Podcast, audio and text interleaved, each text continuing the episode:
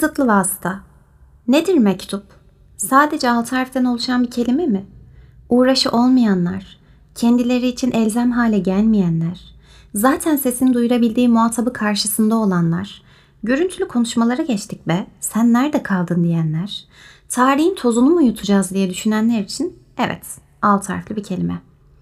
Çünkü bir kere düştü mü yolunuz, uğrak yeriniz olduysa artık o kalem ve kağıt, muğlak düşüncelerle doluysa bir de zihniniz, size Rabbimden kolaylıklar dileyebilirim işte o vakit. Gerçi sevgili dinleyen, ben yalnızca o vakit kolaylık dileyen okurunuz değilim. Bu yayında sizlere Nazım'ın da dediği gibi imkanları çok az bir vasıta aracı olan mektuplar okuyacağım. Türü fark etmeksizin ama ilgi çekici olan. Hem geride bıraktıklarımızdan hem bugünümüzden. Sıradan ama olağanüstü olacak. Kimi zaman iş ile alakalı olanları, kimi zaman devlet adamlarının yazışmalarını, kimi zaman tehditvari cümleleri barındıranları, kimi zaman halka açık tutsak mektuplarını, fakat çoğu zaman özlem, hasret ve aşkı barındıran mektupları okuyacağım. Sayfaların değişme sesi de olacak.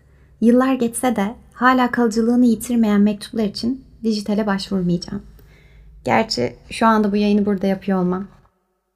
İsmim Merve. Soyadım Oğuz. Oğuzlardan biri manasına gelen bir Oğuz rumuzunu kullanırım. Kütüphaneciyim. Tıpkı mektuplar gibi yıllar geçse de kalıcılığını koruyan bir meslekteyim yani. Yaşımı söylemeyeyim. Çünkü bir miktar da olsa bu durum kadınlarda kompleks oluşturuyor sanırım. Gerçi öyle zannetmiyorsam burada yaşımı söylerdim değil mi? O halde şöyle bir ipucu vereyim.